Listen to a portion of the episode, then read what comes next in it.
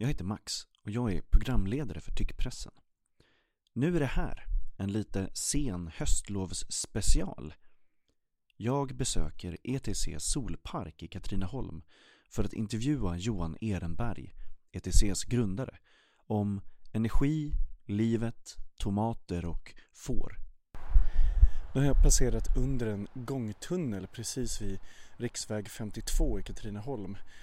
Och det första jag ser när jag eh, har gått under den här tunneln det är hundratals svarta paneler som reflekterar ljus. Eh, de står här mitt bland grönskan med gröna och gula och röda blad. Eh, och det är lite blött, det har regnat. Eh, men här står de här panelerna plötsligt. Eh, och det är, det är för att jag är vid ETC Solpark. Ehm, där vi bland annat ska prata med Johan Ehrenberg och eh, ja, men prata om varför han är solserialist. Eh, vi ska också prata energi. Högerns favoritämne. Parken är egentligen stängd nu men eh, det bryr inte jag mig om. vi ska dit ändå. Och Johan har lovat att visa oss runt.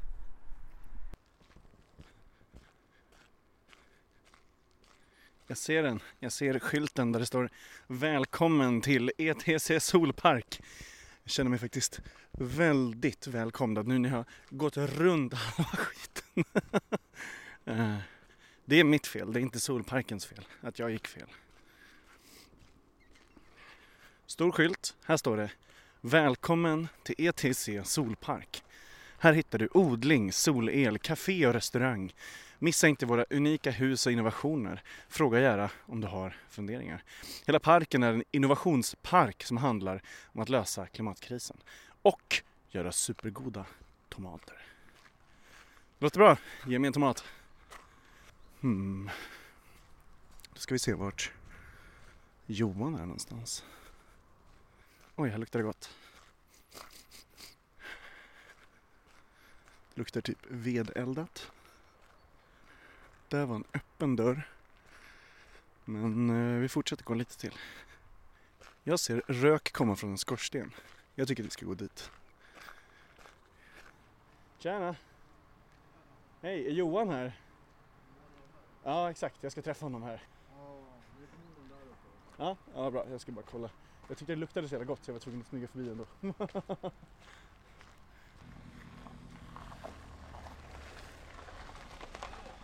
Tja! Hej! Det här ljudet får ni inte ha med. Jag lovar. Du skippade cykeln idag.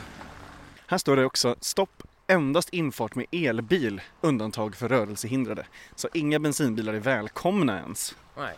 Nej. Och det har faktiskt fungerat, det har fungerat bra. Eh, När, när, förut hade vi problem genom att det körde in såna här riktigt eh, tunga suvar, eh, dieselsuvar och så ställde de sig och så höll jag föredrag här. Jag kommer ihåg, det, det är länge år sedan, tio år sedan och sånt här. Eh, för ekobönder som skulle ha en konferens så kom de hit och då var det här ett väldigt litet ställe. Väldigt få solceller och lite vindsnurror och så jag då. Och en meter snö. Och så kommer de, Eh, 20 tappra intresserade ekobönder med partner och alla lät bilen stå på tomgång för att annars blir det ju kallt. Och så gick de och frågade om ekologiska frågor och energi och sånt där. Och sen till slut, jag kunde hålla och sa, ni får ta och stänga av det där för ni vet att det där är utsläpp. Va? Det här är, alltså det fanns ingen koppling mellan det egna och det, det som hände, det stora. Jag stänger dörren här. Nu är vi, det här är solhuset va? Jag har ju inte varit här förut. Så jag har ju inte varit här förut. Nej, du Eh, Jag är, jag, är, jag är nybörjare, jag är nybakad här. Ja, så att jag... eh, Du får, du får ställa frågor om allting. Det är precis det jag har tänkt. Det här är gjort av ett norrländskt företag som heter Isotimber. Och vad de gör det är att de, har, de gör timmerstockar utav restvirke. Och sen så gör man stora hål i stocken som går hela vägen. Och när man gör det, då behöver du inte isolera. Mm. För luft isolerar ju om det är inlåst i träet. Då får du fantastisk eh, eh, effektiv isolering. Så vi har byggt hela det här huset med, med de här typen av timmerstockar. De är inte så stora. Och framförallt så är de ju väldigt lätta. Mm. Så det här byggde två killar själv. vi står alltså i ett, eh, ett hus som kanske är, vad kan det vara? 100 kvadrat, bara det här rummet är väl 100 kvadrat kanske? Ja, det är mer. Det är 200, ja, 200 kvadrat, ja. Det är två killar byggt själv. Ja. De, och det tog bara några veckor för dem. Och den här tekniken var det första huset i Sverige tror jag som byggdes i den. Och sen så, ja då var vi klara med det. Då gick vi till nästa teknik. så så är det. Ja, och det är väl en av tankarna med, med hela parken. Jag läste på, på den stora skylten utanför att det är ju en innovationspark, alltså att olika innovationer ska få plats och så att man kan förklara dem, se dem med varandra och, och, och se dem i menar, en, en, en setting eller en, en, miljö där folk faktiskt är och gör saker. Ja, alltså här, det har aldrig varit någon idé, det är det som är roligt, utan det har bara blivit så. Okay. Eh, och att det blir så, det är ganska naturligt. Börjar man sätta upp saker som folk inte känner till, då upplevs det ju som en innovationspark. Men grunden till det är, det är bara att, nyfikenhet. Kan man göra så här? Eh, och det är ju inte så att vi tjänar pengar på innovation, utan vi visar ju innovation. Vi ska gå och titta på en maskin som vi har gjort som är professor Baltasars mästerverk, som, som är här borta. Eh, alla de gånger frågan liksom, men hur, hur gick det här till? Ja, vi skulle lösa ett problem. Vi hade inget hus. Vi, har inget, vi vill inte an, anlita massa byggkranar och dyra såna, den typen av byggen som, som ju, det är normala husen som byggs. Vad kan vi göra då? Ja, då fanns det den här tekniken. Så det är mer att man snubblar över tröskeln och hittar sådana saker snarare än väldigt aktivt söker upp och tänker nu ska vi ha en innovation här. Nej, för då blir det alltid skit tror jag. Eh, men däremot om man ska lösa ett problem. Hur ska vi få en vindsnurra att fungera när alla snurror bara åker så här fram och tillbaka, fram och tillbaka. Ingen står still mot vinden. Ja, då, då får man hålla på ett tag sen. Så, men då har man ju problem att lösa. Eh, och då är det ganska kul att hålla på. Eh, och sen så, just i det fallet så löste det sig inte. så vi har ju tagit ner nästan alla vindsnurror. Det är, jag har lagt ner alldeles för mycket av mitt fina, härliga fritidsliv på vindsnurror. Mm. Ska jag ta lite yoghurt eller något? Bra. Johan blickar ut genom fönstret, ner för kullen. Där står ett gäng får. De där fåren är då en del i vår så kallade innovation. Och det var ju för att vi hade ett jätteproblem med att det växer för mycket runt med solcellerna. Och eh, killarna som eh, jobbade här de tyckte det där var väldigt tråkigt för då måste man gå ut med en sån här bensindriven eh, röjsåg eller med en lie, men det ville de inte utan blev röjsågen. Och det är ju bensin och så vidare och så vidare. Så, att, så provade jag hemma med några får. Och jag har ju solceller som står. Och de eh, kliar sig på solcellerna. Men det är det enda de gör. De äter inte. Vi hade en get tidigare. Den åt ju upp alla sladdar. Mm. Så, men det gör inte får. Och då insåg vi, fan de här är ju nog de bästa djuren man kan ha kombinerat med solceller. Och det stämde för att eh, alpackor, nej, de trampar, kan göra hål på dem. Kossorna är för stora. De är fredliga annars, men de är, de, om de kliar sig på dem, då åker hela ställningen mm. i backen. Men fåren, de kan till och med hoppa på solcellerna och springa på dem utan att det skadar någonting. Har de gjort det här? Ja, ja det, gör, det gör de. Speciellt om man, eh, man är där i närheten. Då bryr de sig inte om. Så att de gör en jävla nytta. Det är 30 stycken. Så får är certifierade eh, solcellsvänliga djur? Ja, de, de är alltså ekobranschens hjältar. Mm. Sen är de ganska smarta. För om man glömmer ett litet, litet hål någonstans. Då är de på andra sidan hålet väldigt snabbt. Så det har hänt att jag, jag bor ju inte så långt bort. Det är fyra, fem kilometer om man cyklar. Ehm, då, eh, ibland har det ringt någon och sagt Du, det är får utanför zooparken. Och då är jag jätteglad för de är väldigt hemkära de där. De springer inte över vägarna så. Utan så de... pekar ut hålet väldigt tydligt ja. Eh, och sen så stannar de ungefär. De hänger ja, där. Tre, fyra meter utanför. Ja. De där tittar. Det var inte mycket bättre här. de felsöker helt enkelt. Ja. ja. Se ifall vi kan få en liten mjölk i alla fall. Jag ska se om det finns kaffe i den här. Ja, det gör det. Det gör det. Nej, det var två skvättar. Nej, jag tror faktiskt det var... Ja, det är där. Frågan är om den är från igår eller från idag. Vi får se. Ja, det är iskallt. Ja. jag ska smaka ändå. Jag vill slå på den. Mm. Ja, det får tre av tio. Zooparkens fina kaffe. Nej, du får inte dricka kaffe. Här, här uppe ser jag ovanför att det står två högtalare och så. Är det där DJn står eller? Mm. När det är superfester här? Ja, och eh, det är förbjudet. Så det händer aldrig. Nej då. Men vi hade igår... Var det en... Du ser att det är en kulle. Mm. Kullendagen består i att man går upp för kullen och ner för kullen. Och sen går man upp för kullen. Och sen går man ner för kullen. Och sen går man ut till växthusen och industrin. Vi kan ta en sån vandring så får du... Eh, det är alltså att man, förutom ett kort föredrag eller introduktion om vad det är vi håller på med och hur viktigt det är med solceller och energifrågan och klimatfrågan. Sen så går vi runt och visar alla saker. Och det tycker ju folk, för allt det man säger blir ju alltid abstrakt. Har de väl också hört förut?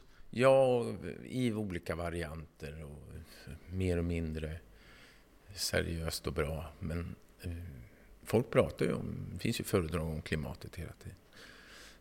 Eh, men det är få saker man gör. Och här, varje grej vi säger finns här. Vi pratar inte om någonting som vi inte har, eller inte har gjort. Eh, vilket till exempel när vi var de första som hade elbilar. Och det var ju väldigt bra, för då kunde vi prata om elbilar. Men innan dess kunde vi inte prata om elbilar, för då, svaret var ju bara ja, men de finns ju inte. Det är väl också en jättestor skillnad på att titta på en tomat och att äta en tomat. Det är väl ungefär motsvarande skillnaden här. Ja, och eh, ännu, om vi skulle vilja gå ännu längre, inte titta på en tomat utan höra någon prata om en tomat. Beskriva tomaten och sen skillnaden mot att man får äta den själv. Ja, och det är ju... Tomater är ju en grej som det kom ju bara för att Stefan Sundström kom hit och sa att han odlar ju tomater. Jag tyckte ju att vi skulle odla tomater för det var det viktigaste man kunde göra för rent livsmedelsmässigt. Och lykopenerna i tomaterna och allt sånt där. Och jag är ju ingen odlare. Jag kan ju inte om, om det där. Men, eh, jag förstod eh, poängen med att odla och solceller.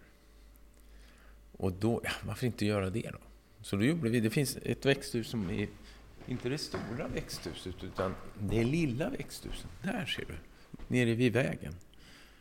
Och den tekniken, sättet att bygga växthus, är det som gjorde att vi sen vågade bygga de stora växthusen. Och det var liksom Stefans... Eh, så han, han åkte hit och jobbade här med några och satt och gjorde i ordning så att det blev fart på. Och sen så ville han, han hade ju en idé också, att vi skulle fermentera och producera Stefans rödgröna röra. Typiskt honom. Eh. Och det har vi gjort sedan dess. Sen gillar inte han kommers, som han säger, vilket är lite lustigt eftersom han är musiker. Så att vi har aldrig lyckats få ut den där i livsmedelshandeln och så, för då måste man ju liksom lite grann kändis... Eh, ja, Ja, såklart. Man måste ju spela på, på det. Liksom. Ja, det är ju hans röra. Det är inte Visst. bara en röra. Liksom. Men det gillar han ju inte. För det, han vill inte bli... Vad heter de där kändisarna som står i kartong i butikerna och sen så plötsligt åker kartongen ut i lagret. man är inte där längre. Det är rätt mycket, kommer rätt mycket folk som är oanmälda. Det är, ju gratis att vandra här. Det är ju inte så att du tar betalt per steg. Eh, men de blir väldigt trötta därför att det är så mycket. Och så finns det ju, finns ju skyltar som förklarar, men liksom, då måste man orka läsa alla skyltar också. Och sånt där. Så jag tror det där med att guidas runt i eh, framtidens, eller framtid, det är ju nutidens energilösningar, det tror jag är faktiskt är jättekul för väldigt många. Jag gick förbi eh, på Södermalm i Stockholm så gick jag förbi eh, Södra Latin var det. Så såg jag en affisch nu. Jag tror det var från Ung Vänster eller något sånt där. Eh, eh, om betygen. Stoppa betygen. Eh, och det var en ganska dramatisk affisch. Liksom, nu, nu strejk mot betygen. Och, eh, ja, det, och då inser jag, fan den här affischen med nästan exakt samma ord. Den gjorde jag 1974. Också på Södra Latin? Ja, jag gick inte på Södra Latin, men mina kompisar gick på mm. det. Och ETC start är egentligen en elevstrejk på Södra Latin. Som, då blev vi kompisar och så började vi, var ju tvungna att börja skriva om vad vi hade gjort och så började vi göra små eh, tidningar. Och så småningom så startade vi gänget och Partisano som blev etc. Men den, samma politiska fråga är nu på tapeten igen. Nu ska det stoppas betyg. Och det är ju helt rätt. Jag är fortfarande emot betygssystemet. Jag vill inte att man ska ha några betyg. Men, eh, ja, det var en sån där flash. Hur många år sedan var det här? Ja, oj. Tiden är en cirkel. Ni hade väl också en förening? Eh, eller jag vet att det fanns KEF på Södra Latin, Kommunistiska elevföreningen. Mm, precis, och det, det var... Eh, ja, jag var ju inte elev, så jag var aldrig med den, men eh, det var ett svar på maoisternas elevförening, som jag inte kommer ihåg förkortningen på. Det var många förkortningar.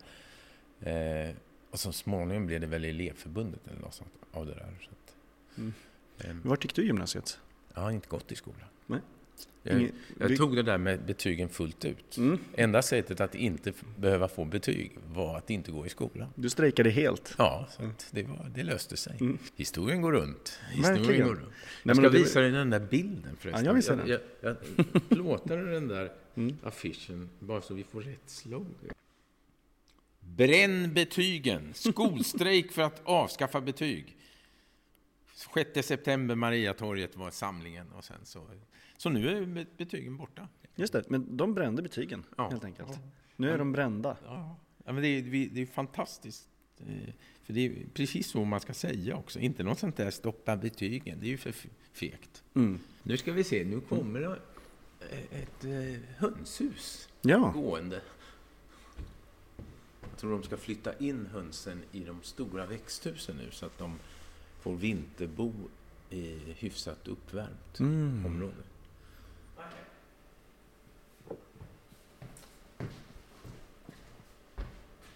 Jag har en till hygienfråga om solparken också. Hur många solceller är det egentligen? Det är 4,5 megawatt. Eh, vilket är väldigt mycket för Sverige. Men nu börjar det komma lite riktigt stora parker. Det finns en på 30 megawatt ute vid Strängnäs och så vidare. Så det kommer att komma. Men de är skitfula. För det är bara en jävla äng som man har fyllt med solceller. Det här är ju lite spännande, udda saker fram och tillbaka. Och det gör att eh, vi har pressat in väldigt mycket solceller på konstiga ställningar och sånt som vi kan titta på. Så kan jag förklara varför. Men då blir det ju lite glesare när man jobbar så.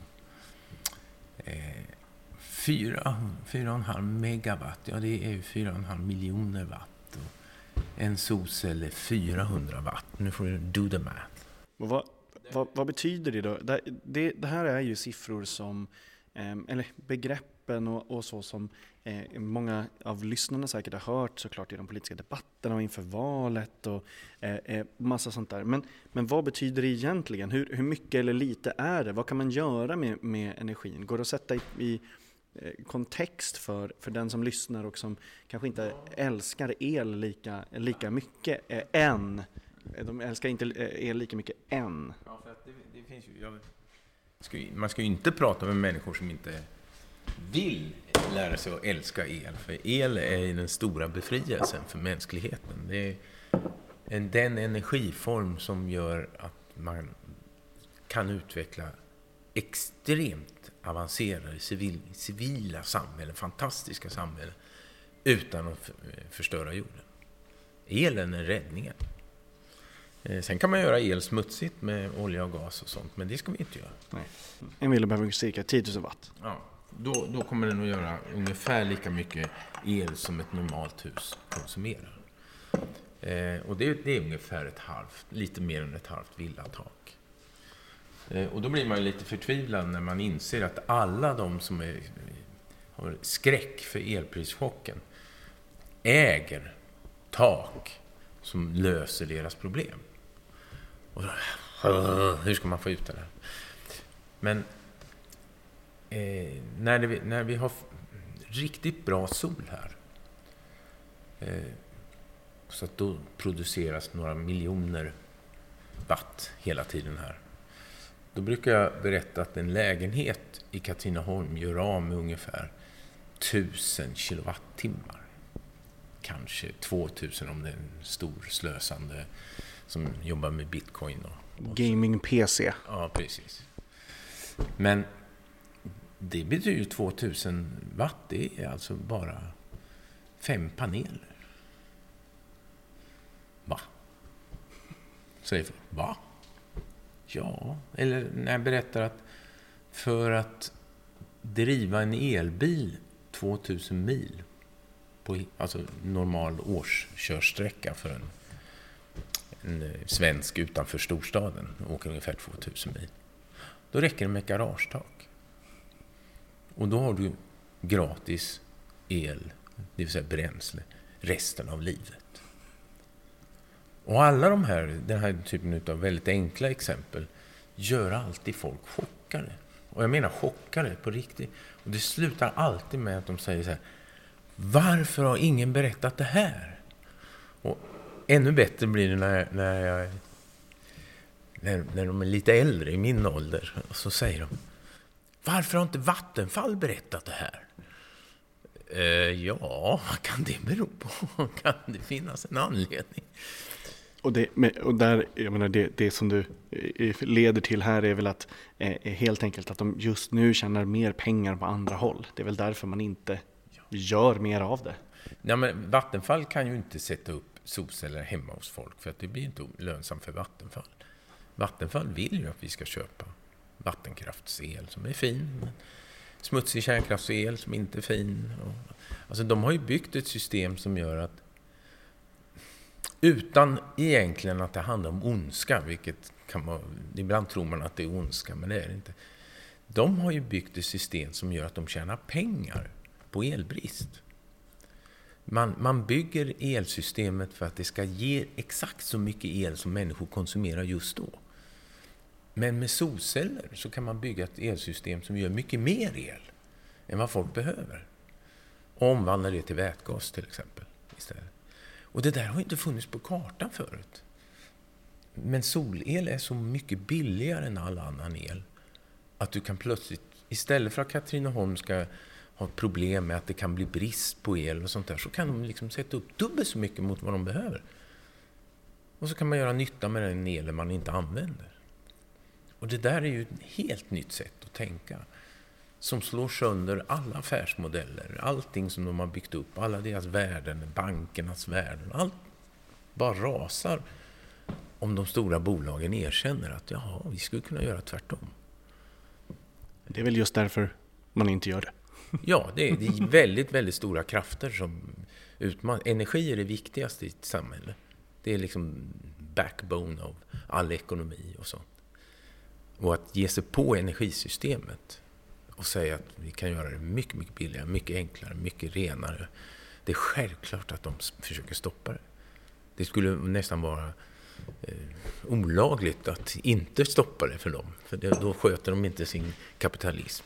Nej men precis, det, är väl, det skulle vara någon form av eh, eh enormt självskadebeteende i så fall. Men det, det, är liksom, det, det ligger såklart inte i deras intressen. Och då, jag menar, så länge man vet det, då, då blir det också lättare att, att förhålla sig till. Att, då behöver man inte... Själv ta en debatt med dem och Visst. säga Nej, jag har rätt att sätta upp solceller. Nej, jag, du, du har fel, det är inte farligt. Nej, eh, jag har hört att Johan sa att det här får alla göra. Ja, Alltså- Nej, det steker inte fåglarna. nej, pre- precis. Det där var en fin grej. Var kom den ifrån plötsligt? Så dödade man fåglar med sol. Jag tror man kan döda fåglar med allt utom solceller, skulle jag säga. Det är väldigt svårt att döda en fågel med solceller. Har du rätt kläder så att vi kan gå? Det har jag definitivt. Du har inga strumpor? Det här var ganska tråkigt eh, ställe just här där vi står utanför solhuset. För att det blev liksom bara, man kommer in så är det mysigt och här ute är det bara mörkt. Och det, men då gjorde hon ju en jättesatsning på vanliga enkla blommor. Nu ser man ju inte blommor i, i radio, men det här är ju gula, vackra, ljusa, lila. Eh, det här är dahlior som jag precis har slutat växa. Mm. De klättrade upp för de här äh, järn, armeringsjärnen också. Och det här var faktiskt, det blir väldigt vackert på sommaren. Och hon är ju fantastisk eh, trädgårdsmästare. För hon, eh, hon är inte bara radikal utan hon är duktig också. Vilket är en väldigt bra grej när man ska jobba med saker. Ja, man vill inte ha någon som är radikal och oduktig eller i, oradikal men duktig. Ja. Och nu, precis där, aj, aj! Nu trampar han på solcellerna. Oj, oj, oj. Jag såg att det var både solceller men även ett bord som var solceller där borta. Ja, ja det var det Men- första jag byggde. Det var ett solcellsbord för att visa att man kan göra annat med solceller. Men det här är ju roligt för det du trampade på är alltså Mm. trottoarstenar som är solceller. Och det här har jag tagit fram från Holland. Eh, och enda idén är att man i Stockholm och i Norrköping och i Malmö alla ska byta bort sina trottoarstenar mot solceller. Alltså det, du t- kan ju själv tänka dig, den här lilla ytan, det här det är någonstans runt 1000 watt. 1000 kilowattimmar på ett år. Den här lilla ytan ger el till en vanlig trea i ett hyreshus. Och då kan du tänka dig hur många sådana här ytor som finns på vanliga jävla trottoarer som vi människor. Och sen Men hur länge vi- håller de då? Alltså hur, Ja, de här har ju hållit nu. Vi har ju satt upp dem för två år sedan. Mm. De är helt opåverkade. Mm. Eh, De har alltså, eh, de, de, de, du lägger dem på sand precis som vanliga eh, trottoarstenar. Fast det är ingen betong utan en solcell. Mm. Så det... Sen har vi, ju- jobbar vi mycket med att visa olika grejer som inte kanske har med bara med solceller att göra. Vi har ju, där har du en solfångare, sån här klassisk gammal kinesisk solfångare. Det är en varmvattenberedare alltså. Den fångar varm, solens värme går upp i form av kol, eller vad säger jag, stavar utav koppar och värmer en platta i den där tanken. Du får 100 liter varmt vatten och du får det utan kostar en spänn. Och det, du har det från början av april till början av oktober. Då kan du ha 100 liter för dusch och, och allt sånt. Det, och det kan bli så varmt så att det kokar i de där men då, då finns det ju säkerhetssystem som tar bort ångan. Liksom. Eh, där har jag hemma. Mm. Duschar i. Så det, det här med att duscha kort för att spara el. Nej, jag duschar länge för jag har gratis varmvatten från solen. Det är också väldigt roligt att berätta för dem som har jätteångest. För det där är ju smått i Sverige men skulle ju kunna vara hur stort som helst i Spanien, Italien, runt hela Medelhavet. Då har du sol faktiskt även i januari som skulle ge varmvattnet. Mm. Här har du vår lilla rondellhund. Mm. Och den är, det är beviset att det inte är yta som är problemet. Det är en och en halv meter bred åt alla håll. Sol, lodräta solceller så det kommer aldrig bli någon snö på dem. Då ger de el hela vintern. Även om det blir en meter snö i Kiruna skulle den här fungera och ge el. Ja, för det, det är 24 solceller på ett torn då, ett trätorn som, som Ja. står här. Och det är, ju- vi, vi har en variant som är ännu dubbelt så hög. Eh, men Eh, den ska vi, vi har just tagit ner den för att den skuggade andra solceller den jäveln. Mm, just det, ja men okej. ja. Man måste alltid tänka på skuggan för det är det enda, det är liksom som den här Ole Olyckan, den här Mm. elaka, eh, vad heter han, Ted, ja, han är ju inte elak men den figuren, barnfiguren. Men olyckan är inte vårt problem utan det är skuggan som är Mm. vårt problem. Det är... Och sen, eh, för då blir det mindre el. När man har Mm. skugga då bryts liksom eh, högspänningen i panelerna och blir lågt. Då kan man förlora på en vanlig jävla tall som går framför ett hus så kan du förlora 30-50 procent. Mm. Och då vill man ju ta fram sågen. Mm. Sen har du en liten vindsnurra längst upp. Och det, det är ett av de sista försöken vi gjorde med vind. Den där funkar bra, men den är alldeles för dyr. Den kostar, den ger lika mycket som en panel. Den kostar lika mycket som hela anläggningen. Mm. Så att det blir, det blir orimligt med vindsnurr. Och det har vi ju där har du vindsnurror som står stilla nu trots att det blåser. Mm. Hmm, vad kan det bero på? Jo, det är svårt att få igång snurror. De kräver ganska kraftig vind. Och om du ser en snurra som snurrar fast det bara är lite blåst, då är det någon som ljuger för dig. Mm. För då har de eh, inte kopplat in snurran.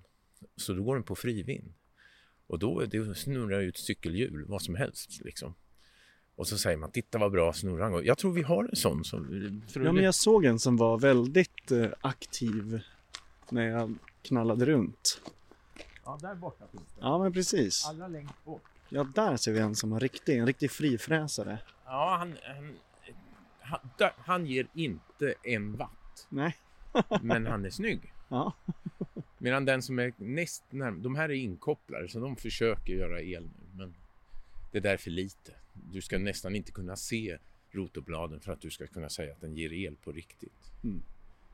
Nej, så många timmar av mitt liv. inte visste jag att det... Ja. Vad är det här för bojor och, och Det här är kedjor? Birgit Bergströms konst. Mm. Fantastisk, rolig grej. Och de får vi ha här nu.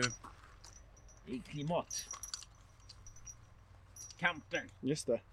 Nu, nu håller du på att sätta fast dig här vid de här jättetunga bojorna. Ja, Ja, nu är du fängslad. precis. Vad Och har nu- du gjort? Jo, jag, jag har levt på denna jord och eh, skapat klimatutsläpp och det här motsvarar 10 dagars utsläpp för en medelsvensk. Det är 350 kilo. Det är alltså en, en enorm järnkula. Eh, Ja. ja, det ser ut lite som en, en lakritsgodis ungefär. Ja, och det, det roliga är att det, det som jag gör just nu är ju det mest futila man kan göra. Att tro att man ska kunna gå med 350 kilo. Alla män provar det här. För just de kanske kan. Och det blir lika... Och tjejerna som står bredvid bara liksom... Okej, det är konst, du kanske kunde ta det lite lugnt, det är inte någon styrketävling. Så.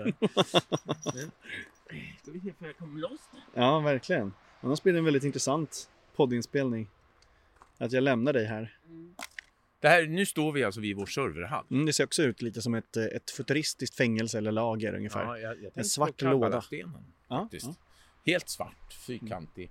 Eh, Jag ville få fram den känslan. Mm. Men så kommer jag hit och så pratar jag med...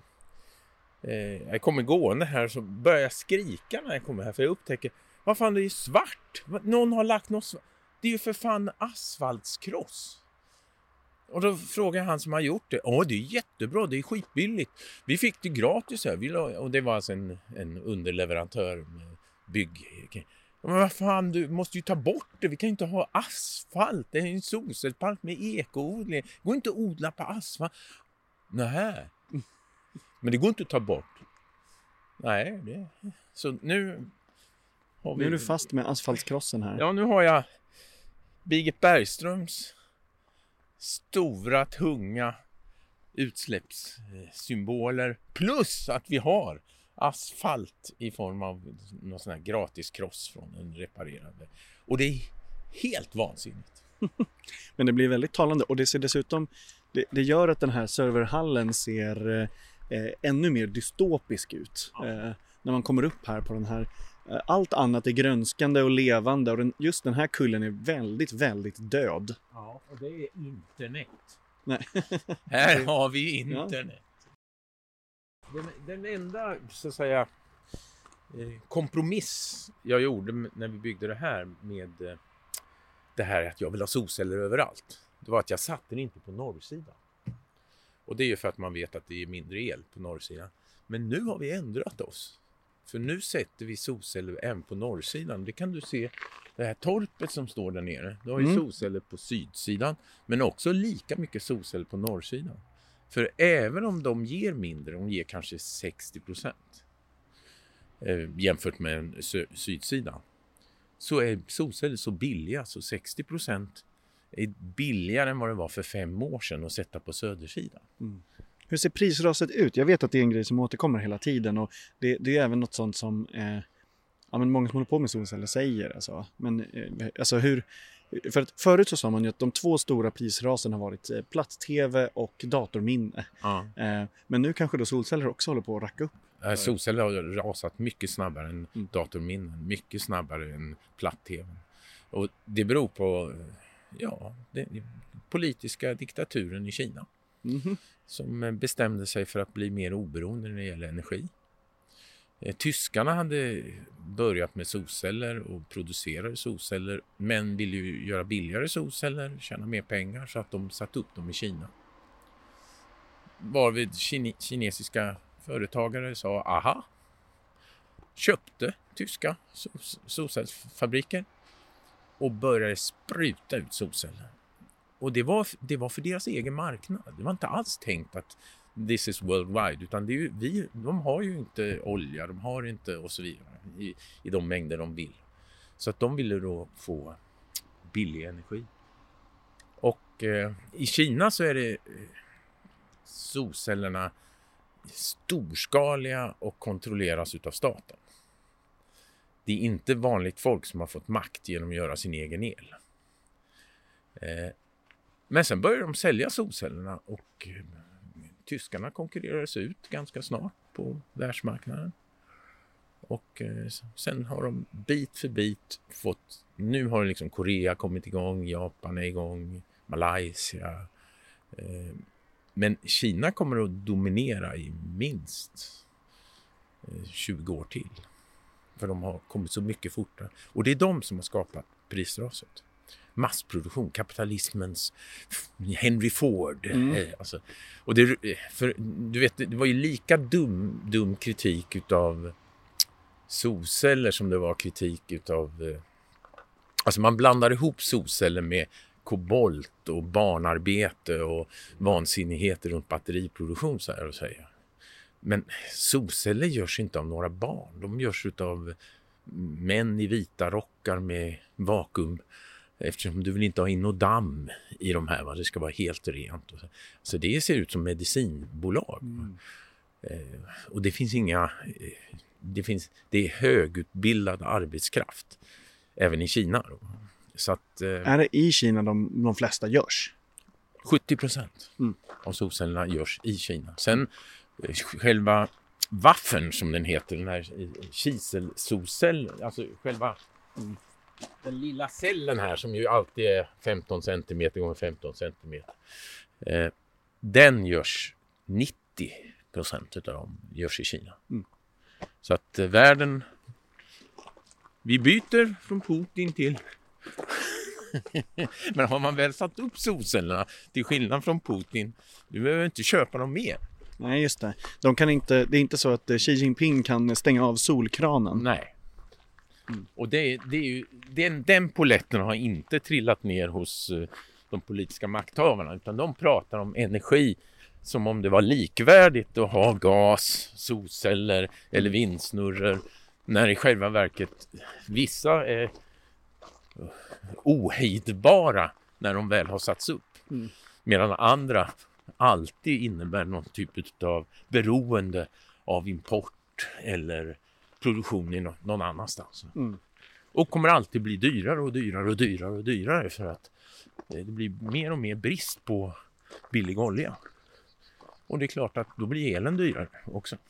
De kanske är rädda att det ska bli som i ett klassiskt Simpsons-avsnitt där Mr. Burns bestämmer sig för att eh, bygga en eh, enorm Mr. Burns bestämmer sig för att bygga en enorm eh, som panel för att blocka solen för att eh, eh, eh, folk är så oproduktiva i värmen. Ja, ja det, Mr. Burns var på väg där att göra en...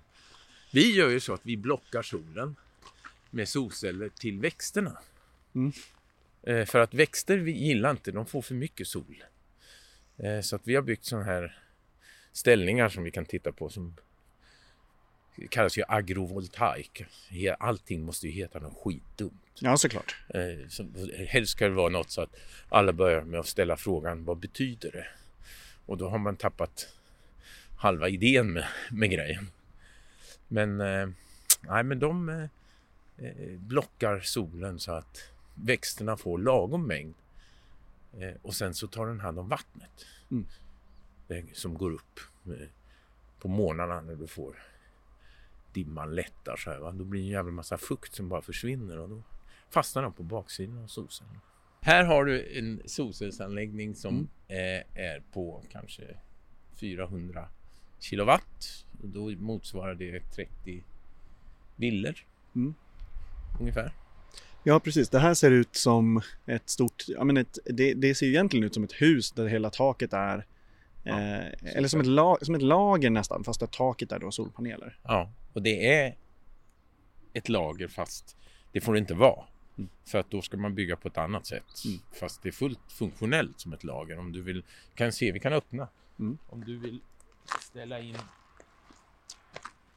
några saker. Vi ställer ju in eh, maskiner och grejer och sånt där i de här. Mm. Men Maskiner och grunkor. gronkor som vi har. Mm. Du ser, det här blir nästan som en... Wow! Mm. Här går vi in i någon annan värld. Mm. Som bara är massa trä, trä, trä, trä, trä och längst upp är det solceller. Och det första man tänker är att wow, det här blir ju vattentätt. Och det är det inte. Nähä. För solceller är inte vattentäta. Du kan inte sätta två solceller mot varandra så att det blir vattentätt. Eh, Det blir alltid någon millimeters jävla och sen där börjar det droppa. Du, du hör hur det droppar. Mm. Så vill man ha det tätt, då måste man göra ett undertak. Och bredvid här så ser jag typ de största, det ser ut som vanliga skruvar fast jättestora. Ja, det här är alltså, de här, eh, det kallas för jordskruv. Mm. Och den här har en fantastisk förmåga att kosta pengar. Mm. De är jättedyra. Men lustigt nog så är de billigare än att göra en betonggrund. Mm. Borra ner det här. Och sen kan du sätta ett lock här så att den inte rör sig senare. Och sen kan du bygga ett hus på det. Så den här har vi köpt för att gö- göra de här ställningarna som vi har ute på ängarna. Eh, som fåren går och betar emellan. Då är det, kan det vara såna här jordskruvar. Det är väldigt sällan man har såna här hemma men jag har det. Vi har jätteroliga planer på hur vi ska få göra roliga lekplatser här för barnen. Men vi måste bygga mer, bygga klart mer saker innan man... Det blir det sista vi bygger, tror jag. Eller inte sista. Här ser du. Här ser vi den. Det här är en väldigt udda anläggning för att den, ja, vilket, vilket är inte det förresten. Eh, den, den är helt byggd med trästommar, men den är gjord eh, åt fel håll. Den, eh, det här är ju en sol som kommer från öster och det är ju jättebra. Det blir mycket soligare på morgonen. Men sen är det ju de här jättestora solcellsanläggningarna som kommer att skugga dem. Eh, och det här skulle du aldrig byggt för fem år sedan. Eh, men nu, eftersom solceller är så billiga, så då gör vi helt enkelt så att på eftermiddagen, ja då får vi mindre el, punkt slut. För vi får jättemycket el på morgonen då alla sätter på spisen. Alla, man köper ju mycket el på morgnarna. Så då kan man, man kan alltså anpassa solceller eh, utifrån vilken konsumtion människor har. Och det blir rätt spännande när man bygger ett elsystem som liksom redan har tagit hänsyn till att människan faktiskt inte vill äta mitt i natten och dammsuga mitt i natten utan och solen lyser inte mitt i natten. Så att, det här är sagostigarna som ska byggas. Mm. Här ska ungar kunna gå och lyssna på sagan om eh, sol och eh, draken olja. Eh, och sådana här påhittade... Eh, jag har skrivit några sådana sagor. Det var rätt roligt när jag drog det för ungarna. Ehm, och sen ska vi bygga en gigantisk drake som öppnar munnen när sol kommer och tvingas spruta ur sig sin eh, rök eller vad det blir. Magnifik ska det bli, men det är som sagt ett senare projekt. Det vi ser här är ju hundratals, eh, om inte tusentals träbjälkar och vi går alltså under det här. Vi är som i en, en träfästning där eh, muren är, liksom murarna på den här eh, fästningen är solceller. Mm. Eh, och överallt sitter de här panelerna och sen så är det då eh, ja, men berg och sten under eh, vid de här bjälkarna vid det här bygget. Men jag, när jag gick hit så såg jag att det var en hel del eh, solpaneler som hade eh, löv på sig bara. Stör de någonting? Jajamän, Ja, de stör. de jävlarna. Så de, de blåser man bort eller? Nej, Nej. De, de blåser vinden och Ja. så, lite solvärme nu på hösten och sen lite vind så är det borta. Mm. Man städar inte solceller, man tvättar dem inte, man, man eh, vad heter det, skottar inte solceller utan du låter dem vara. Och bor du norr om Sundsvall så får man ju acceptera att man går i ide någonstans i november och Mm. sen börjar det glimma till i mars igen. Så solcellerna eh, går att an- anpassa till att bli snöfria men de 90 procent av solceller kommer inte att bry sig om det, kommer inte göra det. De verkar liksom, eh, även de får finna sig i att de är i naturen. Ja, Här ser vi till facklig solel också. ja det här Ja. är ju väldigt roligt. Jag har, de är ju först i Sverige som har gjort det här. Jag tror Ja, se, Seko, så här står det på skylten så att jag läser det till lyssnarna. Till vår stora glädje har fackförbundet Seko Sjöfolk här installerat en megawatt eh, eh, solceller som kan göra att deras medlemmar får, eh, som gör att deras medlemmar kan få solel hem till sig. Och det är ju fantastiskt Mm. att de gjorde det här. Vilken service! Ja, alltså det de, det de har gjort är att de, de hade en kongress och då upptäckte medlemmarna att förbundet hade investerat, de har ju pensionspengar, och hade investerat en del i kärnkraft i Finland. Och det ville inte medlemmarna. Så det var en motion på kongressen och ta bort det här, satsa på förnybart istället. Och jaha, säger styrelsen, vad ska vi göra? Och det, ja, då kan man delta i aktiespekulation på börsen med så kallat gröna företag. Eh, inte så kul. Eh, men då ja, så gick de på en av mina föreläsningar. Och sen berättade jag att man kan sätta upp solceller. De gick med dina föreläsningar och resten är historia. Ja, ungefär så gick det till. Men då kan, det, och det betyder också att handlar ju om media. och inte om solceller. Eh, så att det- det spred sig. Men det betyder ju att fler fackförbund skulle kunna göra samma sak såklart. Ja, de ska. Jag kräver det. Mm. För att deras medlemmars pengar kommer då göra solel som är lönsam. eh, Så att de får den här avkastningen de vill ha. Och om de vill att ge, erbjuda sina medlemmar att få den elen. Ja, då är det bara att de, de byter till ett elbolag som köper den elen. Eh, sen har vi, med Seko har vi gjort så att alla som Seko sjöfolk, de får elen från ETC El om de vill. Sen kan ju facket då, vilket de inte Seko har gjort för att de har inte behövt det ännu, men man kan ju bestämma ett pris. Fackliga elen kostar 50 öre, punkt slut. Vi, vi accepterar en lägre avkastning. Medlemmarna får billigare el. Så facket kan ju göra jättemycket utan att det gör dem fattigare. Och det som retar mig mest med, med diskussionen idag det är att de som är ansvariga för att man inte har investerat nu är de som gnäller över att vi måste flytta utomlands, vi måste lämna, vi måste ha bidrag, vi företagare därför att ja, men ni, de har ju haft hur mycket möjlighet som helst att producera sin egen el. Och då, dumma dem. Dumma dem. Det är gjort så att man kan gå runt hela här också. Ja, och du är just nu inne på en kullenvandring. Ja. Fast du kommer inte in i husen för vi glömde nycklarna. Ja. Men det ska vi ordna.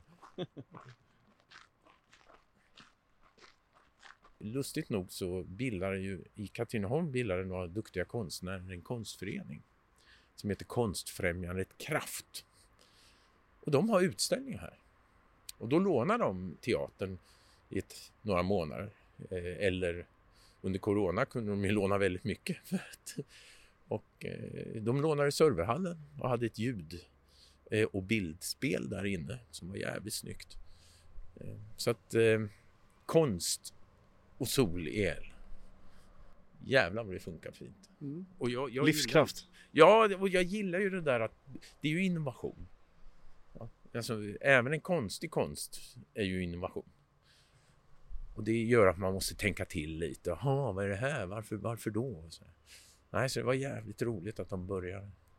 Här har du kommit Ja. till Sveriges finaste bullerplank. Och detta är byggt i trä med solceller och genomskinliga solceller så att man kan se ut från andra sidan bullerplanket. Det är bara ett problem med den här bullerplanket. Det fick inte sitta vid vägen. Nähä. För Trafikverket är emot bullerplank av solceller. De vill ha bullerplank som är plåt, trä, vad som helst men absolut inte eh, dubbel nytta. Och det beror på att Trafikverket är fullständigt korkade. Okej, Men vad, vad, vad, vad säger de? Vad, vad är skälet till att man inte får ha det? Ja, det, det, det finns inga riktiga argument. Eh, Det, det finns ju några som har försökt med fåglar. Eh, några, alltså att det på något sätt, men de flyger väl lika gärna in i trä som de flyger in i en solcell. Eh, det finns eh, var argument ett tag om att det, det kan blända bilisterna. Ja, fast nu är det ju lodrätt det här. Eh, och så vidare. Så att, eh, nej, och vill man, är man orolig för det så kan man ha solceller som är luddiga. Så att det inte blir det här blänket på dem. Allt finns, men man måste ju vilja. Och jag tyckte, då blir jag så förbannad, för då har vi gjort upp det här, fixat allting och sen kommer någon idiot och säger, för du vet, du ser ju vägen här, då fanns ju inte det här, utan det var ju vägen rakt upp, en jävla massa ljud, inte så kul. Klart vi vill ha ett bullerplank där nere. Nej. Så då satte vi upp det här. Så nu har vi Sveriges finaste bullerplank utan väg. Här har du vår eh, första anläggning. Mm. Eh, den ska ju också rivas och flyttas och göras om. Men då, I början så gjorde man allting i aluminium för att det var det man skulle göra. Eh, sen började jag bygga allting i trä för att jag insåg att det gick lika bra. Nu börjar vi använda aluminium igen. för att nu har vi upptäckt att aluminium har en väldigt bra hållbarhet uppe på tak och så. Och då ska man jobba med lätta material så inte så tungt att jobba på taket. Och så. Då är aluminium mycket bättre än att jobba med trä. Här har du två stycken byggbodar som jag har gömt under solceller. Eller det är inte jag, det är Bengt som har gjort. Och byggbodar finns ju över hela Sverige. Och de drar jättemycket el. De är inte isolerade, de är hel, helkassa egentligen. Eh, och det är ju för att byggarbetarna de ska ju ha sina toaletter och sina kök och Omklädningsrum. Ja, sånt. Och där, då har vi istället byggt in dem i solceller. Och då är de platta på eh, längst upp så att på sommaren ger de jättemycket solel. Men även på vintern ger de solel genom att vi låter det falla så här som en Ja, en en, båge. en båge. Jag gillar bågar uppenbarligen. Det finns många bågar. Eh, och då är de nästan lodräta här. Och då får du ingen snö där. Och det där Ramirent, om de bara fattade det där så skulle ju de kunna producera byggarbetsplatsernas solel. Alltså det är ju en jätte, jättemarknad egentligen. För hur många byggbodar finns det inte? Här har du en solföljare. Vad gör den? Jo, den följer solen. Varför gör den inte det? Därför jag stängde av den jäveln. Jag har stängt av alla solföljare. Det är bara skit. Okej. För de, de går inte som de ska. Program. Det är, alltså, det är alltså paneler som, som roterar och snurrar efter vart solen är. Precis, och det låter ju jättesmart. Men kostnaden för solföljaren är mycket, mycket mer än det antal nya kilowattimmar du får för att du kan följa solen. Det är kanske max 25 procent mer du får. Va? Och då är det bättre att sätta upp 25 procent mer solceller. Så att man blir, jag blir så här, och jag har lagt ner jättemycket tid på det, för det var liksom grejen när vi började. Då var ju solceller väldigt dyra. Att följa solen då var intressant för att du ville få ut så mycket på varje lit. Men nej, nej, glöm det.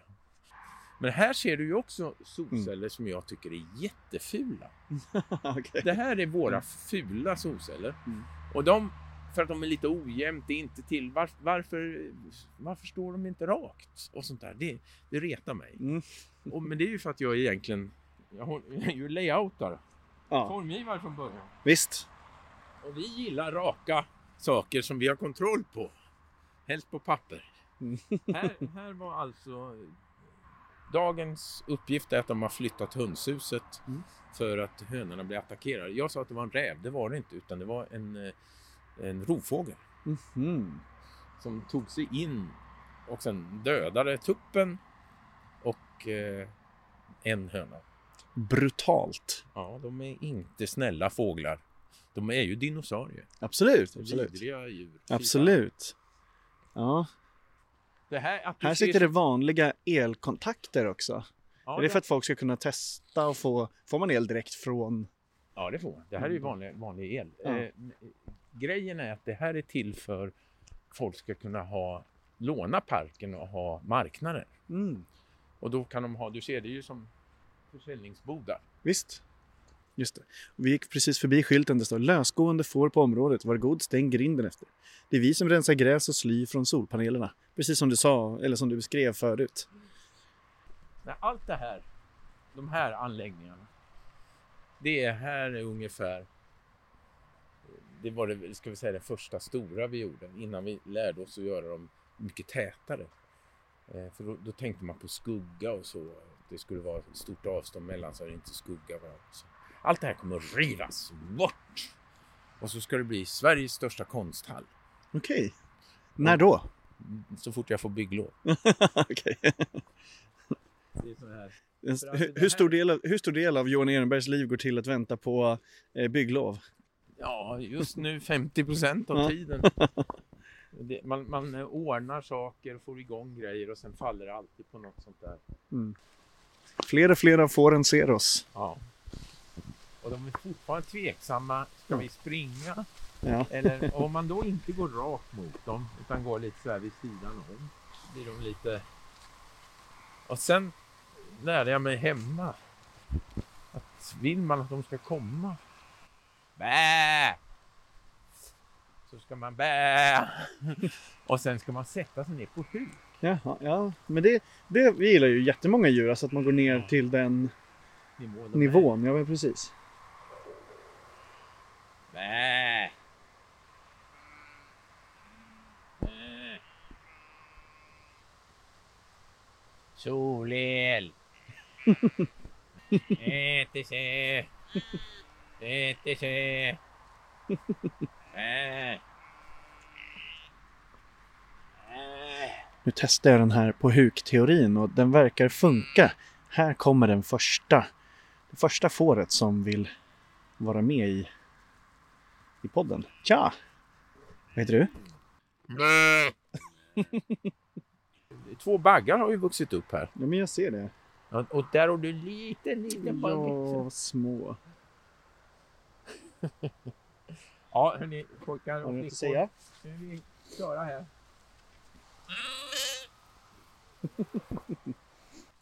Ja, nu har vi hälsat på ETC får.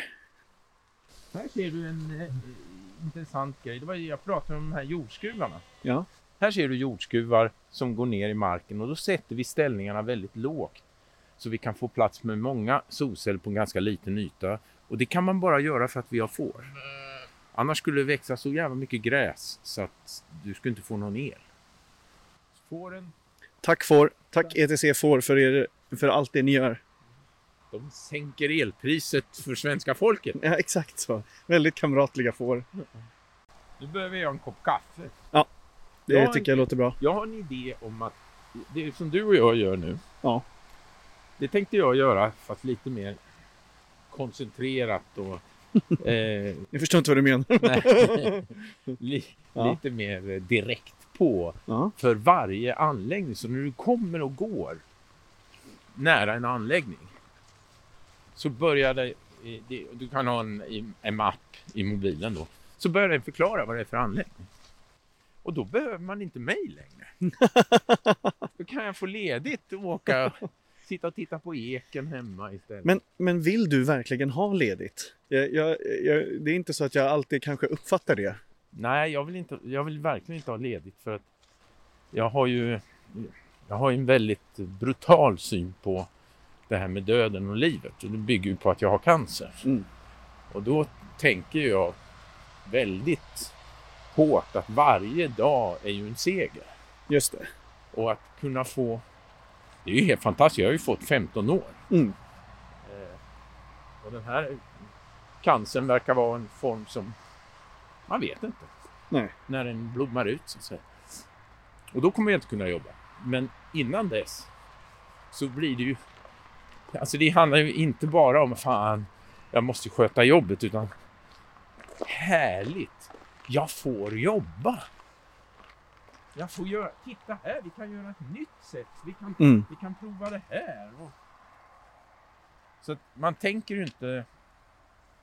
I dödens skugga så tänker man inte... Nej, nej, nej, nej, nej, nej, nej, nej. Nu stoppar Johan eh, fåren här. Det blir ingenting med det. Nej. Hög, högljudda protester från ETC får nu. Ja, de ville komma in till det De, här. de ställer ägaren mot väggen. Ja. Vi vill ha det goa gräset, inte det här gamla tråkiga. Ja. Ja, det här är... De kommer kontakta facket om det här, det hör jag. Åh, facket. Ja. Det hör man faktiskt. Nej men jag, jag förstår det men då är det ju också, jag förstår att du, att, att, du, att du tänker på det sättet och, och, och så. Men, men då blir det ju också, vad, alltså, vad är det du vill göra med det här? Jag menar, det är inte bara för att det är kul och, och det är inte bara för att du får en dag, en dag till och, och sådär. Men vad, vad, varför vill du egentligen hålla på med de här grejerna? Gå i, i bodarna och, och, och traska runt här och, och hålla på med innovationerna. Ja. Varför? Jag tycker på fullt allvar att det här vi visar här, det är sättet att lösa klimatkrisen. Jag menar fullt, fullt, hundraprocentigt allvarligt. Att vi vet och vi gör det. Och det handlar bara om storleken i det man gör för att lösa klimatkrisen. Det finns inga problem tekniskt, produktionsmässigt, personalmässigt om vi vill lösa klimatkrisen. Det här Ja. är är redan bevisat. Så att det är den verkliga, verkliga motivet som finns där hela tiden. Att varför ska vi samla in pengar till att sätta upp fler solceller? Vi har ju så mycket solceller. Jo, därför varje solcell minskar utsläppet från fossil energi i Europa. Varenda människa som har satt upp solceller är en klimathjälte. Ja, och du pratar ju mycket om att det här att varje människa kan göra skillnad och, och, och så, att man gör en skillnad till exempel med, med solceller då och, och, och så. Men är det... Eh, jag försöker liksom, det jag egentligen vill fråga är liksom, har du tappat hopp på politiken och vill tro på människor eller är det här någon form av... Jag har aldrig haft hopp om Nej. politik. Nej. Jag är ju en människa som socialist som med många års arbete insåg att jag var socialist. Eh, alltså det här idén om att politiken skulle gå före och ge människor möjlighet att göra något. Det har ju aldrig hänt historiskt. Det är alltid så att först gör människor, sen kommer politiken springande och säger det är vår idé. Eller vad de nu hittar på. För, och politikens grunduppgift är ju att försvara det system som är problemet. De, de, de, alltså, om du säger att vi ska stödja svenskt näringsliv, då menar du inte att du ska hjälpa näringslivet att förändra sig. Utan du säger det som är ska först och främst bevaras för det är det som bankerna har investerat i, det är det som, ja och så vidare, allt det här. Det är alltså en konservativ kraft, politiken. Och alla revolutionärer och reformisters stora dröm är att man ska kunna omvandla den här konservativa kraften till en ska säga, motor för förändring. Eh, reformismen är ju ett underbart exempel på hur, hur djupt man kunde gå och göra verkligen saker. Men det betyder ingenting jämfört med om människor engagerar sig och gör det här i någon blandning utav egenintresse och solidaritet. För att staten, staten kan alltid kidnappas av Timbro. Men Timbro kan aldrig kidnappa ditt solcellstak. Så för mig är det där jättepolitiskt. Jag, har, eh, jag får jätteofta frågan varför bildar du inte politiskt parti? Varför gör ni inte det? Vadå? Ni är lite, skulle bli jättestora. Jag säger, det är helt ointressant. Eh, politiken är inte partierna, politiken är vad vi gör. Och det ska vi organisera. Vi ska hjälpa varandra och vi ska ha gemensamma banker och vi ska ha kooperativa sopparker och vi ska ha allt sånt där. Va? Här kommer vår byggare gående som ja, av en slump. Ja. Just nu när vi ska göra kaffe. Det är väl bra. Välkommen! Han kanske också vill ha kaffe. Vill du ha kaffe? Jag tänkte gå upp och göra espresso. Eller cappuccino. Vad är det du låser upp nu då? Nu är det dags att gå in i serverhallen. Helt byggd i trä. Eh, gjord för att ta emot alla radikala företags servrar. Hade jag tänkt mig. Vi ska kanske försöka tända också. Jajamän, det gick. Eh, den här har ju då all sin sol, eh, el från solen. Hela taket solceller, väggarna, till och med dörren här kommer det vara solceller. Och sen ställer vi upp såna här små rack. Det här är ju bara, än så länge är det bara ett som har sina servrar här. Men meningen är att hela den här raden, ända bort till, kommer att vara full av servrar. Vi har redan börjat få folk som vill ha sina servrar hos oss. Eh, och då är det ju väldigt stark eh, internetlina här. Eh, och sen på den här sidan så blir det ett av Sveriges största batterilager. Och det batterilagret ska dels fungera som säkerhet, att när strömmen går så ska servrarna inte, så att vi sänder via radio istället. Då.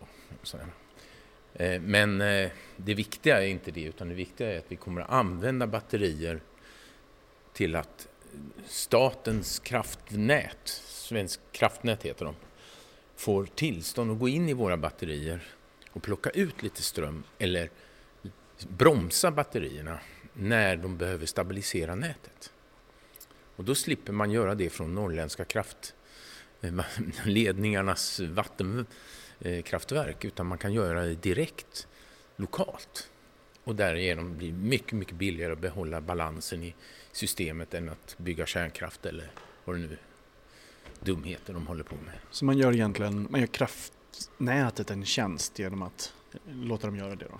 Och det heter frekvenshandel och det här kommer alla solcellsägare kunna göra. De kan ha ett litet batteri eh, och eh, koppla det till, eh, så att eftersom det är kopplat till nätet redan så kan Svenska kraftnät använda det. Och då, då tar de kanske 2 till 20 sekunder energi. Så det handlar inte om att de tömmer batterier eller något sånt där, utan bara lite, lite för att få en annan balans. Och det där är ju helt fantastiskt faktiskt. Eh, så att du kommer få ny intäkt när du har solceller plus batteri. Jag har sett, eh, alltså det, varenda lokal vi hittills har varit i har haft sin väldigt egna karaktär, så även den här. Ja. Den här har ju lite av en, en lada eller vad man ska säga. Det går näst, nästan att ha hästar. Typ, ja, eller typ line dance tänker jag. Ja, line dance och hästar. ja. Varför inte kombinationen? Ja, verkligen, verkligen.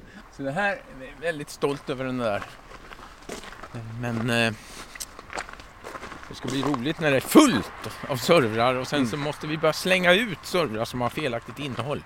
Eh, så att det är klart vi kommer utmanas av x antal nördar som vill göra bort oss och så vidare. Men så är det. Man kommer alltid bli utmanad av nördar som vill göra bort den. Ja.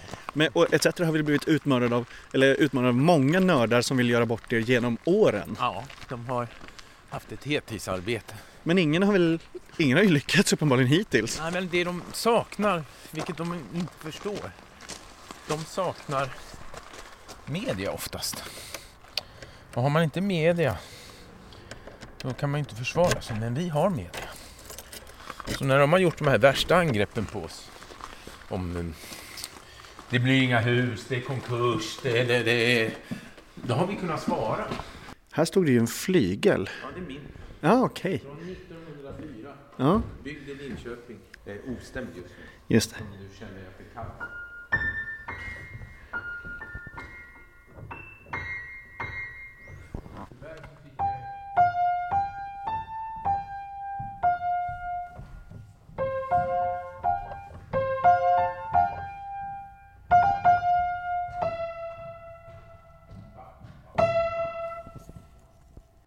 Nu är, vi, nu är vi vid ETC Odla här. Ja, ETC Odla eh, hette förut ETC Näring, men sen upptäckte vi att då trodde folk att de skulle få mat här. Det får de inte, utan här odlar vi. Och det, det vi odlar är alla typer av grönsaker, alla typer av sånt som vanliga människor kan odla. Men så lägger vi till rätt mycket blommor som eh, Elin är jävligt duktig på. Elin Stark som är vår trädgårdsmästare.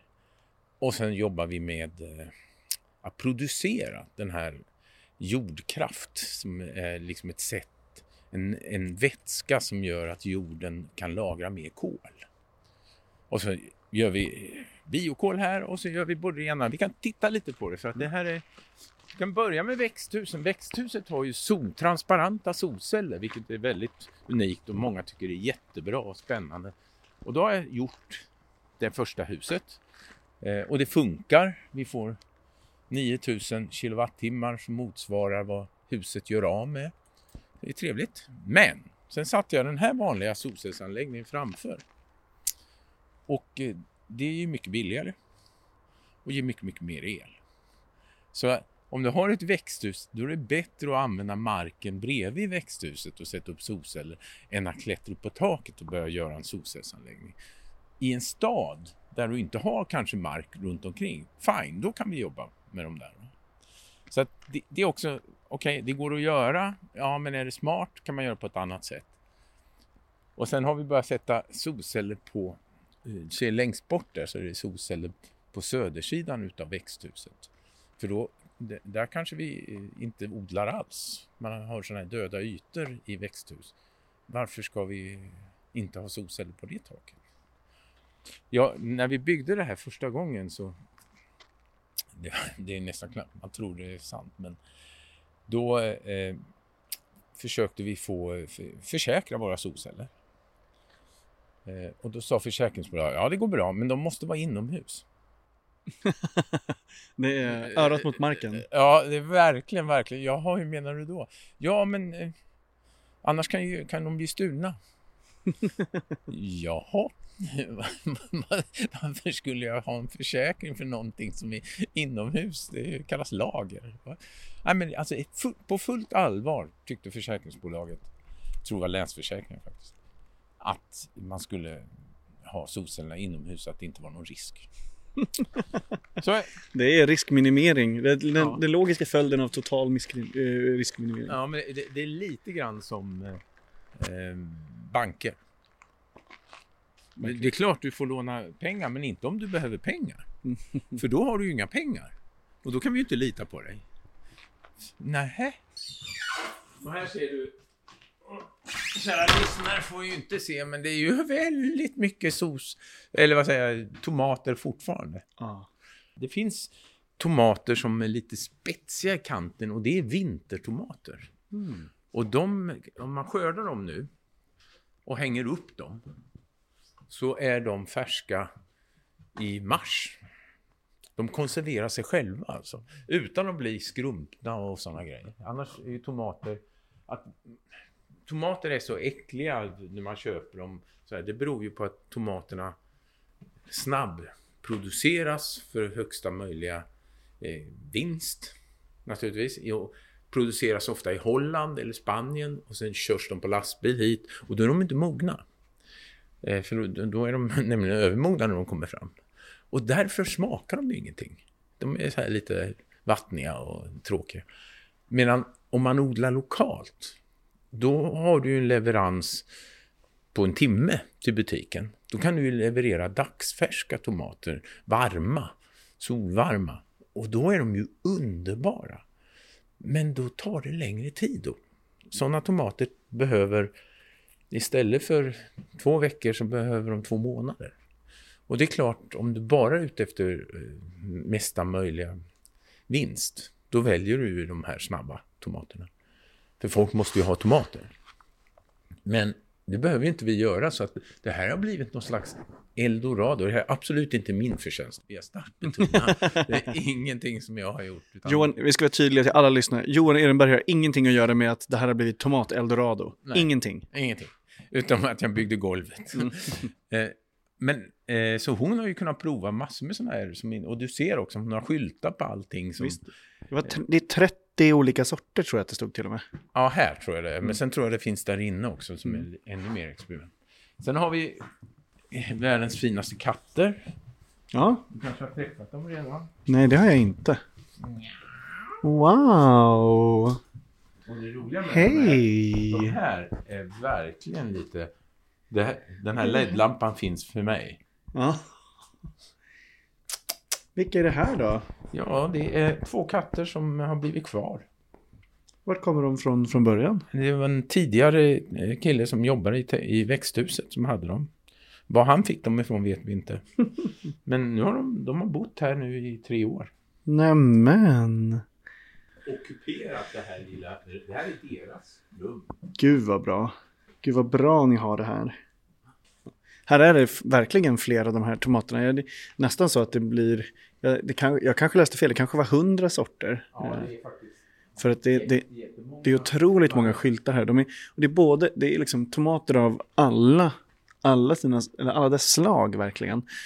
Små, massor olika färger, orangea, gula, allt däremellan, stora.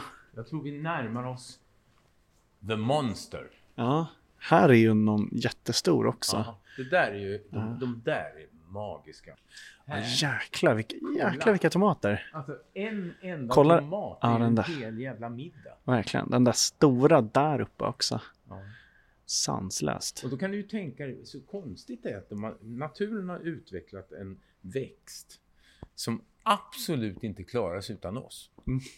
för det finns inte en chans för den att bära en sån där stor tomat. Den väger ju ett kilo den där. På den här lilla tunna stången. Men då kommer... Då kommer vi till räddning. Ja, till räddning. Och då får vi jättegoda Här har du eh, kommit in i produktionsanläggningen för fermentering. Här kan vi producera jordkraft. Den här vätskan, det är alltså grönt avfall som man stoppar in i de här stora tankarna, mjölktankar är det egentligen på början. Värmer det så att du, du får eh, upp det till 50-60 grader så att du kan rena det. Sen tillför du eh, mikrobakterier fotosyntesbakterier, eh, svampmyceller och allt sånt där. Och sen så vispar du runt det där i en vecka. Och på en enda fucking vecka så har du förvandlat organiskt avfall till en färdig näring att hälla på jorden. Och du vet, vanlig kompost tar ju fan ett år. Mm. Och undrar varför gör inte, varför gör inte avfalls Sverige det här? Fermentering är ju fantastisk. Och det här kommer lustigt nog från Stefan Sundströms fermenterade tomatröror som vi producerar. Det, tack, tack, Stefan. Ja, verkligen. För att då började han, han var nyfiken på det där. Han älskar fermentering och surkål och allt sånt där. Han är helt... Sur. Amen, brother. Ja. Mm. Men eh, då hittade vi några som höll på med det här. Det var han och jag som åkte dit och tittade och sa, det var inget snack, nu provar vi. Och då gjorde vi den första lilla tanken och sen har det blivit den här säljs nu faktiskt och det är ju klimatpolitiskt jätteintressant. Den säljs av de här stora som plantagen och sådana där. De säljer nu klimatren positiv fermenterad jordkraft Istället för, för de har ju alltid sålt eh, konstgödsel. Konstgödsel som eh, förstör på många sätt.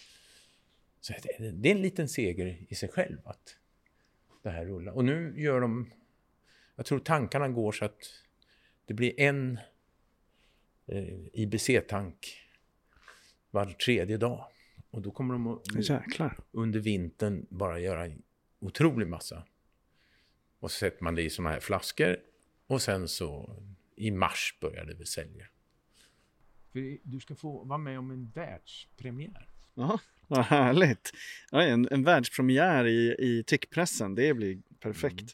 Då ska vi se. Och då vill så jag att du lägger på sån här musik. Det lovar jag göra. Här kan du se vår lilla kylanläggning. Det här kyler vi maskinerna. Mm.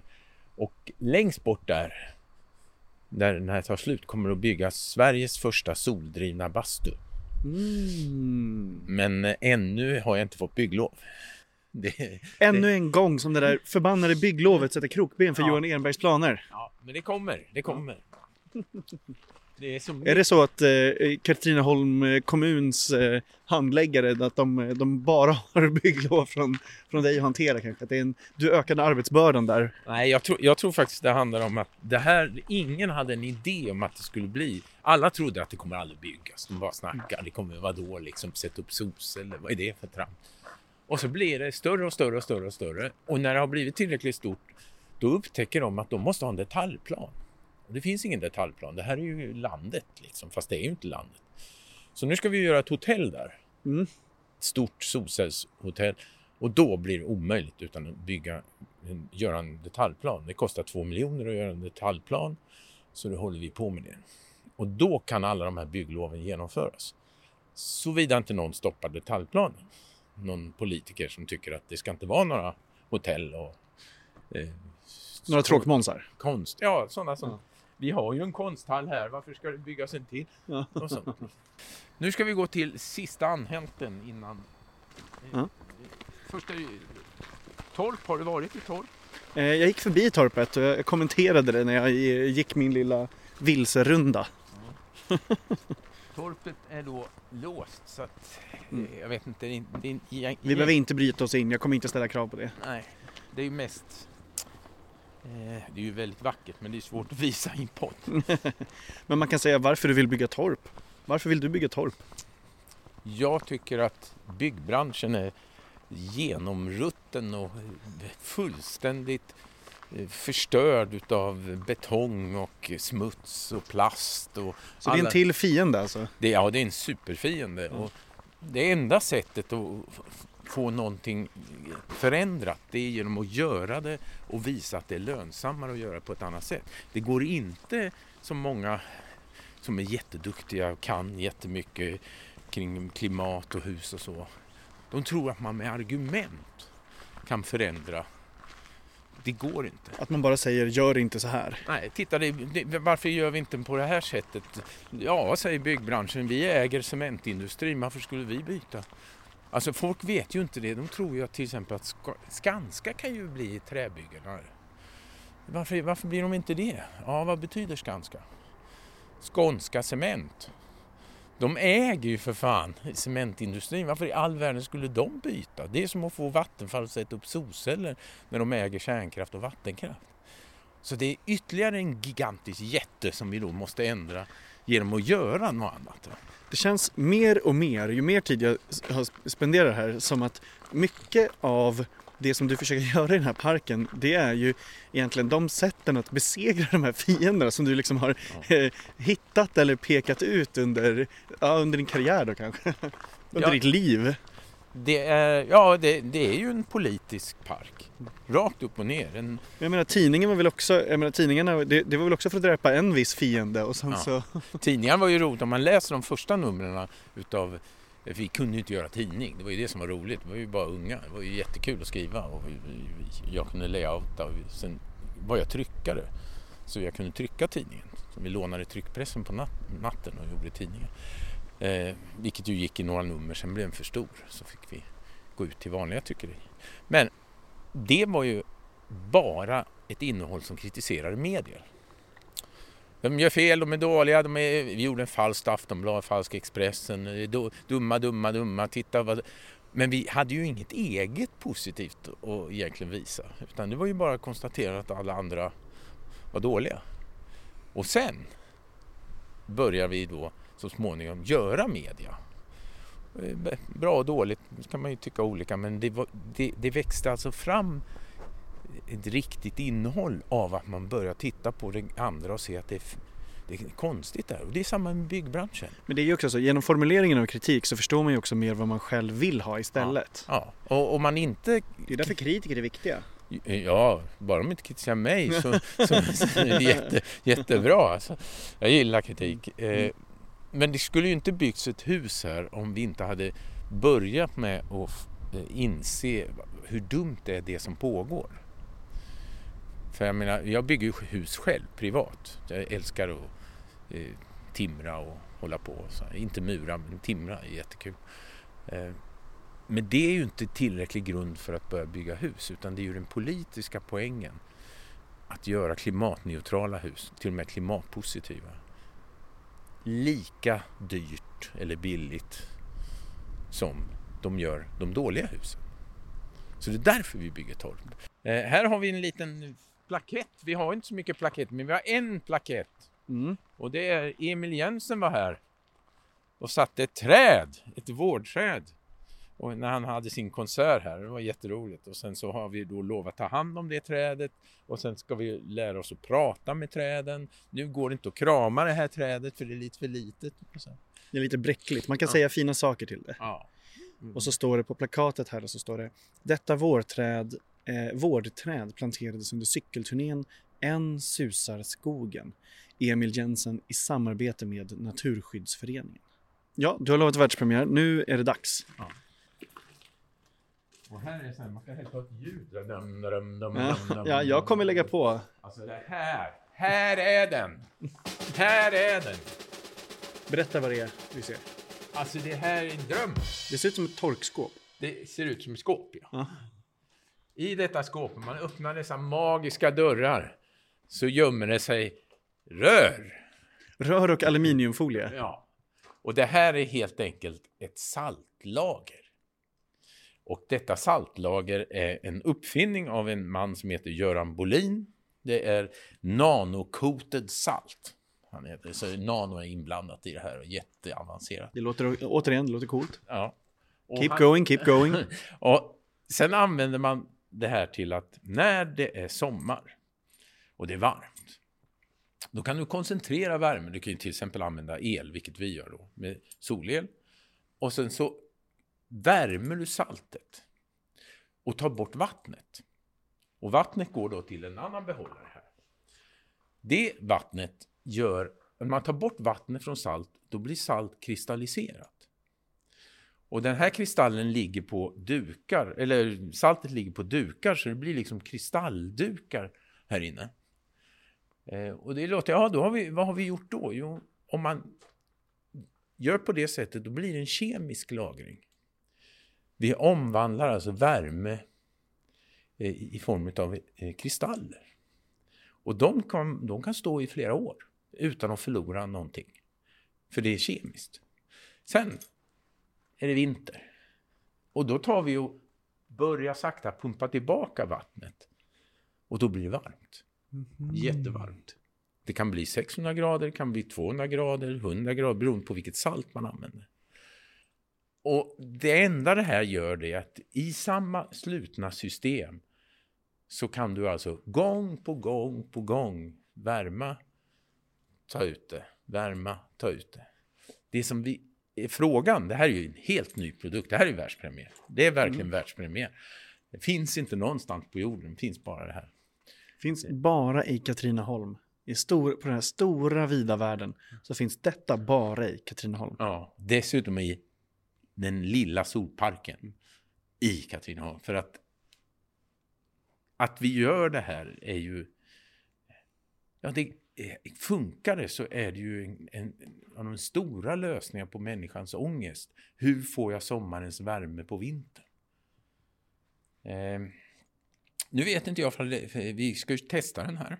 De, de har ju testat den, att den tekniskt funkar, men ger den tillräckligt mycket värme, eh, behöver den bli, måste den bli mycket, mycket, mycket större, då blir det problematiskt för att då kan inte vanliga människor ha det.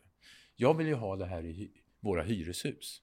Men det får inte, det får inte bli för många tankar, för då, eh, ja, då har vi inte plats för det helt enkelt. Så att vi får se hur effektivt det är. Jag vet inte ifall den... Sen har vi en liten sista sak åt dig nu, eftersom det är också världsunikt. Det är Det- till sån ny byggnadsstil. Ja, om man bygger i trä, Ja. då eh, lagrar man ju koldioxiden i trä. Men det blir ju rätt stora utsläpp när man tar ner skog. Därför prövar vi att hitta metoder och det här är ett, ett finskt projekt eh, som vi har hoppat in i där man tar halm, pressar ihop halmen Det ser ut som en träram med halm i. Precis, det blir alltså en byggelement som är tillräckligt tjockt. Det, som, det här blir passivhus det här också. Och när man gör på det sättet så kommer man att lagra koldioxid från en ettårig växt. Så nästa år så har du fått klimatminus. Så varje gång du kan lagra det som annars bara får ruttna bort eller bränns. När det gäller halm så brukar man väl Eh, framförallt så förstörs det. Men på det här sättet så får vi varje år med, på ängen blir en klimatfångare. Eh, och sen så lägger vi ner det där. Inte i marken utan i husen. In i väggen. Och det finns ju halmhus, det har ju funnits länge. eh, Och vi har byggt eh, prov på sådana också. Jag gillar halmhus och lera, jättekul att jobba med och sådär. Men det tar så jävla tid. Men det här, det skulle man kunna göra ett sätt att torv på. Vad, vad heter maskinen? Vad heter världspremiären? Ja, Om den inte heter något får du döpa den nu. ja det är just det. Vad skulle all världen, det har ju något med salt att göra. Ja. Revosalt. Revosalt. Ja. Ja, det lät lite för grabbigt. Revosalt. Nej, men Revosalt funkar. Revosalt. Ja, Revolutionär salt. Re- ja just, det, just det. Revos- Eller ska man... Nej, får jobba på det. Eh, Känner copyrighten i mig mår illa. Ja. Prosalt. Nej, det är lite för kort. Nanosalt, det blir lite för larvigt. Ja, precis, precis. Jag kan kalla det för burken. Burken, det blir jättebra. Då, jag kommer lägga in det här eh, namnet eh, Burken när jag gör lite musik och sånt där också så kommer jag säga bu- bu- bu- Burken, Burken, Ja, Burken. precis, ja, precis. bygga upp det väldigt mycket. Och det, det roliga med det här det är att vi har fått, eh, vi har själva satsat eh, rätt mycket pengar, det är några hundratusen på uppfinnaren och eh, hans tankar. Och sen har Energimyndigheten gått in med pengar för att prova det där. Och nu har vi den här prototypen och kan köra den i ett halvt år och funkar det då, ja, det är bara att hitta någon som vill börja producera. Då. Mm.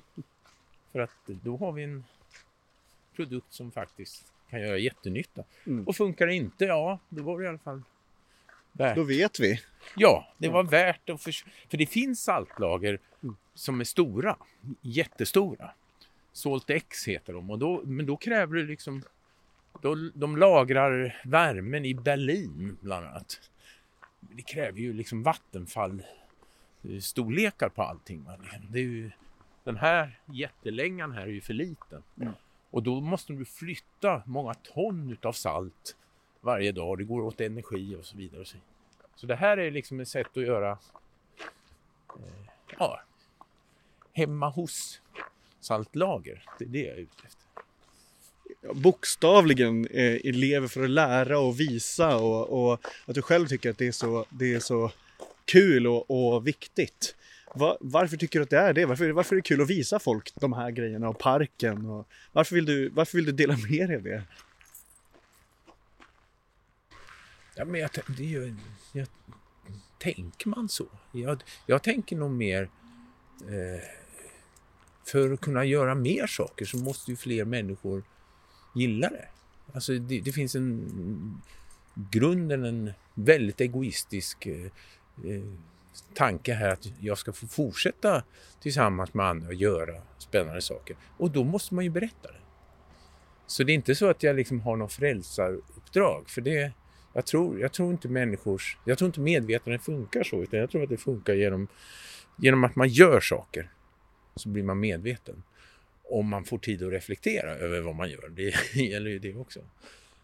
Eh, och det går inte, att, det går inte att, hjälpa någon annan genom att eh, säga gör så här, ät mat på det här sättet, laga det här, eh, fixa dina byxor och så. Det enda, duscha på natten. Duscha på natten. Det enda sättet som går det är genom att de själva gör det.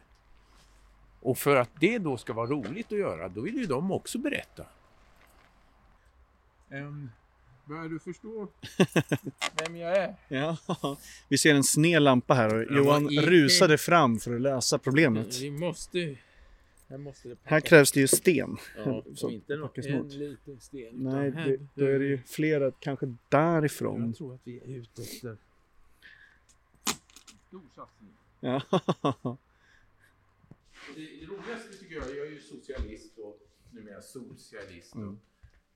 Det är alltid så att i olika debatter och sånt där så kommer borgare och så vet de inte vem jag är. Och så säger de liksom att ja, ja, det är bara ord och sånt där, men företagen i Sverige, de kan så här säga. Jag har drivit företag sedan 1976. Vad har du gjort? Och det är liksom alldeles tyst. Vadå? Du, du, så, vad, vadå? Hur menar du då? Jag har 150 anställda. Vad har du?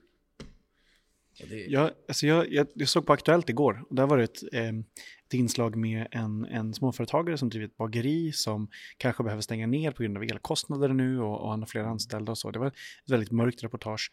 Um, och jag, jag påmindes igen om hur många småföretagare det är som har eh, och många liksom, företagare eh, som, som mer eller mindre har det väldigt kärvt, mer eller mindre proletärer liksom, ja. i, i hur det är. Men att att de fortfarande, många är fortfarande grundlurade i att tro att Svenskt Näringsliv vill dem väl av de här småföretagen.